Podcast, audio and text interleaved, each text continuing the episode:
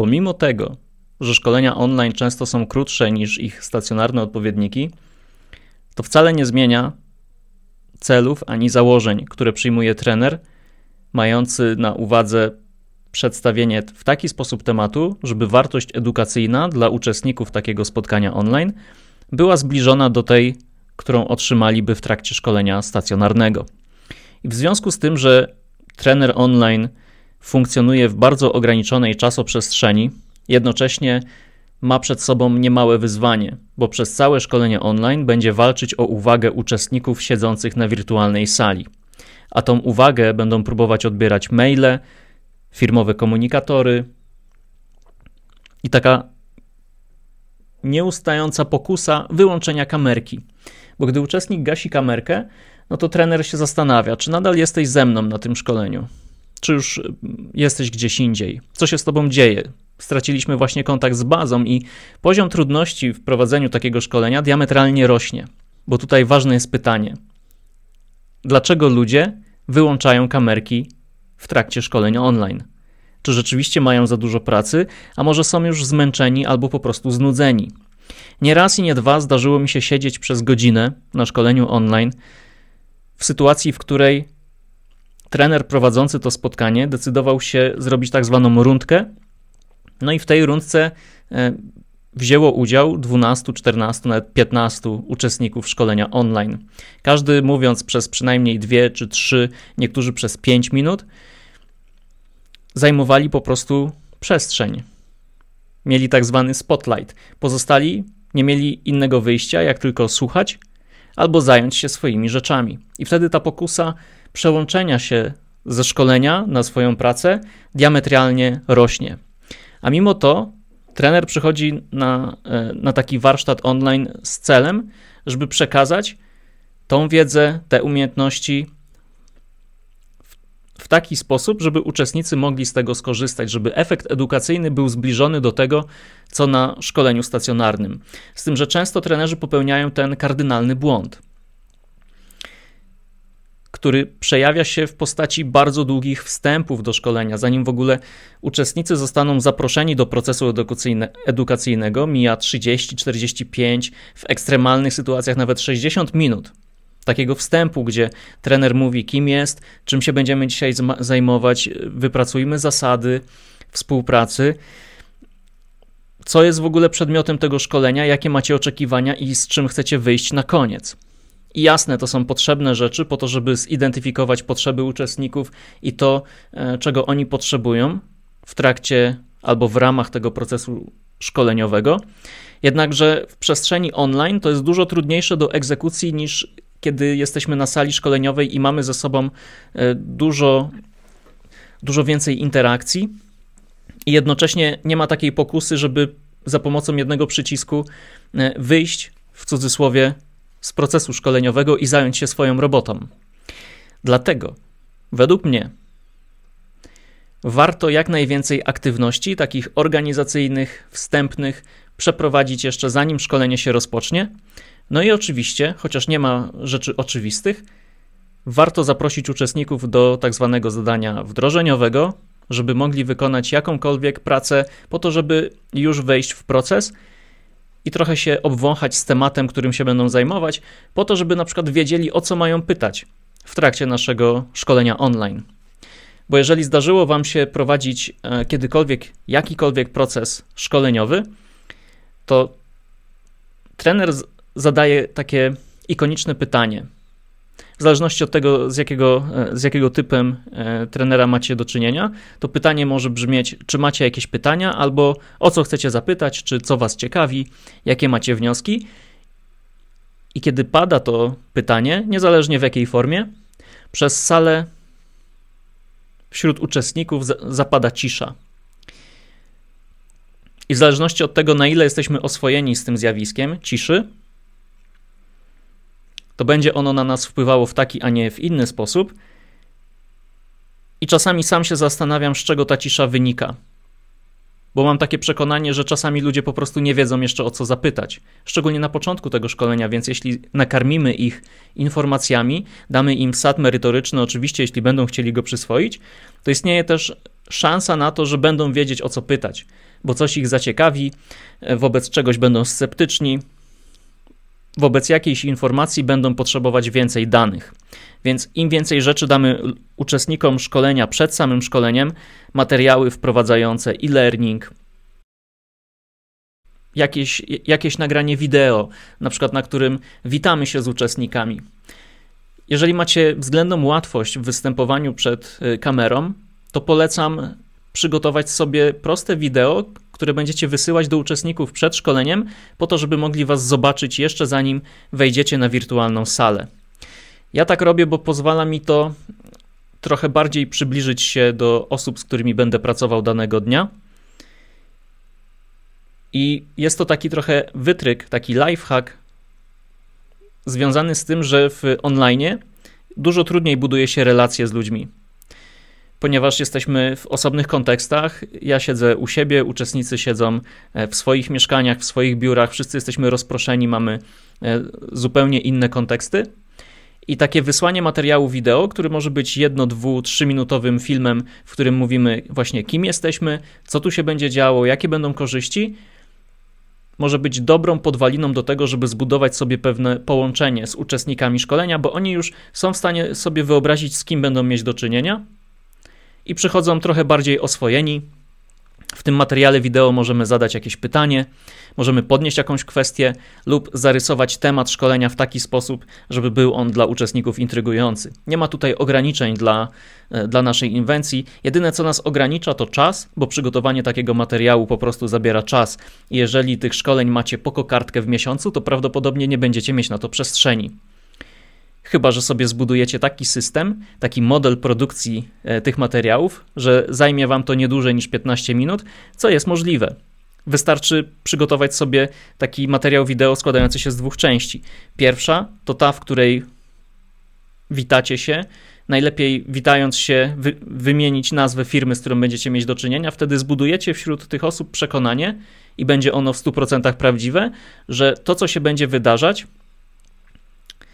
jest dedykowane specjalnie dla nich. Nie jest to e, szkolenie wzięte z taśmy produkcyjnej, tylko jest to coś przygotowane na tę właśnie okazję, na ten dzień i ma tej konkretnej grupie, temu zespołowi pomóc rozwiązać ich problemy. I druga część takiego materiału może być już bardziej merytoryczna. Na przykład wprowadzacie uczestników szkolenia w narzędzie, na którym będziecie pracować, i ja właśnie realizuję tego typu materiały w tej formie. Pierwsza część to jest zawsze dedykowane nagranie, w którym witam się z zespołem, wymieniam nazwę zespołu, mm, nazwę firmy, dla której będzie realizowany proces oraz y, datę szkolenia, żeby uczestnicy wiedzieli, że to jest materiał nagrany właśnie na okazję naszego spotkania. A druga część materiału wideo to jest już materiał merytoryczny, w którym omawiam, jak będziemy pracować, z wykorzystaniem jakiego narzędzia. I tutaj też w ramach tego drugiego e, materiału wideo mówię też uczestnikom o tym, jakie są zasady obowiązujące na szkoleniu, czego ja oczekuję od nich, na przykład, żeby na początku mieli włączone kamerki, i potem, jak się spotykamy, to odwołuję się do tego, kiedy już jesteśmy na wirtualnej sali. Przywołuję te słowa z filmu wprowadzającego, że tak jak mówiłem wam na filmie wprowadzającym, poproszę was teraz o włączenie kamer. I ludzie włączają kamerki. Czasami, jak rozmawiam z trenerami, E, którzy prowadzą trenerami, facylitatorami, osobami, które prowadzą szkolenia online, słyszę e, taką przeszkodę do pokonania, że ludzie nie chcą u nas włączać kamerek. Polecam tutaj podejście zdecydowane, asertywne, tłumaczące, po co to jest potrzebne. Ja zawsze też w tych materiałach wideo tłumaczę, że kamerki pozwalają nam mieć kontakt z bazą, a ludzie są właśnie bazą dlatego żebyśmy mogli ten proces przeprowadzić efektywnie, skutecznie i z komfortem dla wszystkich, potrzebuję, żeby wszyscy mieli włączone kamerki przynajmniej na początku szkolenia, a potem zobaczymy, czy nasz internet to wytrzyma. No i w ramach tego materiału też przedstawiam ludziom zasady, tak jak wspomniałem, wedle których będziemy współpracować i zostawiam też możliwość na dodanie zasad, o których ja mogłem nie pomyśleć. I wskazuję też uczestnikom na przykład przykład, e, co mogą dodać i najczęściej w takiej sytuacji przychodzi mi do głowy e, zasada odnosząca się do tego, żeby w trakcie naszego szkolenia był humor, żeby była względnie luźna atmosfera. I to też komunikuję mm, uczestnikom szkolenia w tym materiale, że ja na ich szkolenie, na ten proces rozwojowy przychodzę, żeby się też dobrze bawić i ich zachęcam do tego samego. I to też jest taki sposób na łamanie lodów. Oczywiście, jeżeli e, macie przyjemność współpracować z uczestnikami szkolenia, którzy e, też potrzebują tego, żeby była luźna atmosfera. Jeżeli uczestnicy potrzebują, żeby atmosfera była bardziej formalna, to to też należy im dostarczyć. Ja widzę w tym dużą wartość, bo wiem, że niewielu trenerów tak robi. Wiem też, że jeśli się poświęci na to pewną jednostkę czasu, można sobie wypracować pewien proces, który będzie pomagał we względnie prosty sposób tworzyć takie wideo. Czyli jedno wideo to jest minuta, dwie, w którym witamy się po prostu z ludźmi, e, którzy wezmą udział w tym szkoleniu, wymieniamy nazwę ich zespołu, nazwę firmy i datę szkolenia, żeby wiedzieli, że to jest materiał przygotowany specjalnie dla nich. No i druga część takiego filmiku, która już jest po prostu, e, traktujcie ją jako szablon. E, to jest organizacyjna część filmiku, na której opowiadam o zasadach, o tym, czego będzie dotyczyć szkolenie, jak będziemy pracować. I oczywiście jest to o tyle wygodne i może to być wygodne w takiej sytuacji, w której e, wasze procesy szkoleniowe są powtarzalne. Jeżeli macie procesy szkoleniowe zbudowane trochę jak produkty, to one będą powtarzalne i takie filmy, produkcja ich będzie dla Was względnie łatwa. Jeżeli za każdym razem szkolicie z czegoś innego, to wybierzcie po prostu asynchroniczne przekazanie informacji uczestnikom w postaci albo prezentacji, w postaci jakichś slajdów, przez które mogą się przeklikać, albo przygotujcie sobie dobre szablony maili, w których wyjaśnicie krok po kroku w łopatologiczny sposób, co się będzie wydarzać, jakie są zasady, jak będziecie pracować, jaka jest agenda szkolenia, a także pamiętajcie o tym, żeby też w tych materiałach opowiedzieć o tym, jakie będą korzyści ze szkolenia i jakie cele będziecie realizować. I wszystko to, co powiedziałem do tej pory, ja dostarczam przed szkoleniem i na początku, kiedy zaczynamy proces, tylko o tym wspominam, odwołując się dosłownie w dwóch zdaniach, sprawdzając, czy dla wszystkich, czy, czy dla wszystkich wszystko jest jasne. Jeśli coś jest niejasne, wracamy do tego i sobie doprecyzowywujemy, aczkolwiek to są marginalne przypadki, kiedy ludzie chcą do czegokolwiek wrócić. Ludzie są ciekawi, ludzie potrzebują tego, żeby zanurzyć się w doświadczeniu, więc dajmy im to, czego potrzebują. Nie muszą na początku słyszeć mm, długich epopei o nas jako o trenerach, wystarczy, że znają kontekst albo wyślemy im przed szkoleniem nasze bio. Jeśli rzeczywiście interesuje ich nasza osoba, to sobie doczytają. Dajcie im link do waszego profilu na LinkedIn czy do waszej strony internetowej i ci z uczestników, którzy mają potrzebę, żeby zgłębić, e, zgłębić to, kim jesteście, to to zrobią. A są też tacy uczestnicy, którzy po prostu chcą przyjść na szkolenie, czegoś się nauczyć albo po prostu dobrze się bawić. I Wam to rekomenduję. Przesłanie do uczestników jak największej ilości informacji, tylko pamiętajmy o tym, że jeśli ta ilość będzie zbyt przytłaczająca, to ludzie przez to nie przejdą. Więc możecie się na przykład zastanowić, w jakim czasie wysyłać jakie informacje. Mnie czasami zdarza się robić tak, że jeżeli mam e, szeroki horyzont czasowy do poprowadzenia e, pomiędzy, mm, pomiędzy wysłaniem pierwszej wiadomości a startem szkolenia, to do uczestników wysyłam dwie albo trzy wiadomości, w których e, których filtruje im pewne informacje i na zasadzie lejka najpierw od ogółu, po co się spotykamy, kim jestem, przechodząc do szczegółu, gdzie w ostatniej wiadomości jest prośba o wykonanie na przykład zadania wdrożeniowego. Bo też jak wyślemy do ludzi zbyt wiele informacji naraz, to przeczytają wiadomość w sposób bardzo selektywny, więc warto się zastanowić nad tym, jak zbudować ten proces. Jest to coś, co wymaga czasu i przemyślenia, aczkolwiek w dłuższej perspektywie zaoszczędza ten czas zarówno z punktu widzenia przygotowania szkolenia, jak i już samej realizacji, no bo tak jak mówiłem na początku tego materiału, od momentu, kiedy ludzie pojawią się e, na wideokomunikatorze, zacznie się walka o ich uwagę, o to, żeby byli tu i teraz, o to, żeby byli zanurzeni w doświadczeniu i nie odrywali się do swojej pracy, która na pewno jest pilna i niekiedy jest też ważna. Więc wszystko, co jesteście w stanie umieścić w momencie jeszcze przed startem szkolenia i przekazać to uczestnikom, według mnie warto to zrobić, bo każda zaoszczędzona minuta, każda zaoszczędzona sekunda będzie na wagę złota, szczególnie w sytuacjach, w których będziecie mieć problemy techniczne w trakcie szkolenia online, więc ten czas możecie spożytkować na to, albo po prostu kiedy będziecie, będziecie chcieli otworzyć uczestnikom możliwość dyskutowania na różne tematy. I mam takie doświadczenie z bywania na różnego rodzaju szkoleniach, że mm, ta część organizacyjna jest zrobiona tak bardzo pieczołowicie, tak wszystko jest wyjaśnione dokładnie, że w pewnym momencie ludzie przestają tego słuchać, a kiedy przechodzimy do e, już praktycznych e, zadań, i zaczynają się dyskusje, to trenerzy ucinają je, bo wiedzą, że czas jest nieubłagany, tempus fugit, czas, czas płynie, jak to mawiali Rzymianie. Ucinają dyskusje dla uczestników, które mają duży walor edukacyjny.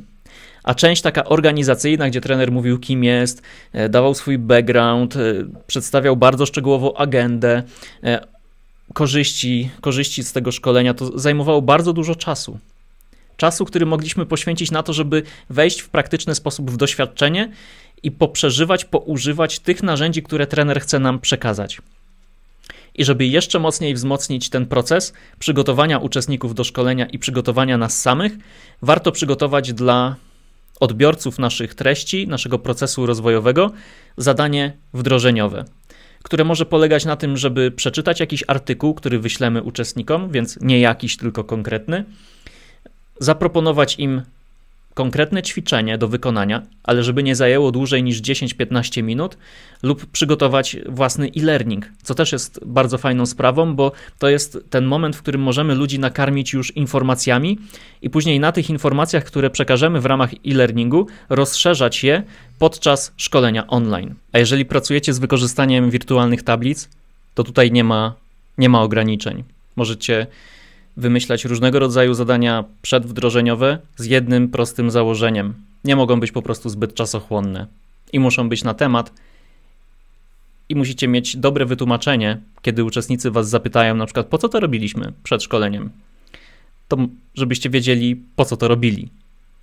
I powody mogą być prozaiczne, na przykład po to, żeby się nauczyć narzędzia, czyli wirtualnej tablicy, z której korzystacie, albo żeby trochę wejść w tematykę szkolenia, i dzięki tym wszystkim zabiegom, o których dzisiaj Wam powiedziałem, istnieje duża szansa na to, że szybciej wystartujecie z Waszym szkoleniem online. Bo nie chodzi tylko o wczesną godzinę startu, żeby ludzie nie byli przeładowani spotkaniami. Nie chodzi tylko o to, żeby mieć przestrzeń na to, żeby radzić sobie z problemami technicznymi, które prawdopodobnie wystąpią, bo to są szkolenia online. Te rzeczy, te trudności techniczne muszą tu się pojawiać. Chodzi o to głównie, żeby jak najszybciej wystartować z procesem edukacyjnym, bo szkolenie online jest walką. Walką o uwagę uczestników waszego szkolenia online, o którą zabiegają firmowe komunikatory, firmowe maile i praca, która, tak jak powiedziałem, na pewno jest pilna, ale nie zawsze jest ważna. Dzięki za dzisiaj. To był trzeci materiał dotyczący szkolenia online. Myślę, że pojawią się kolejne, bo mam takie wrażenie, że to jest temat rzeka. Więc do zobaczenia i życzę Wam skutecznych, efektywnych i bezproblemowych, na tyle na ile to możliwe, szkoleń online. Do zobaczenia.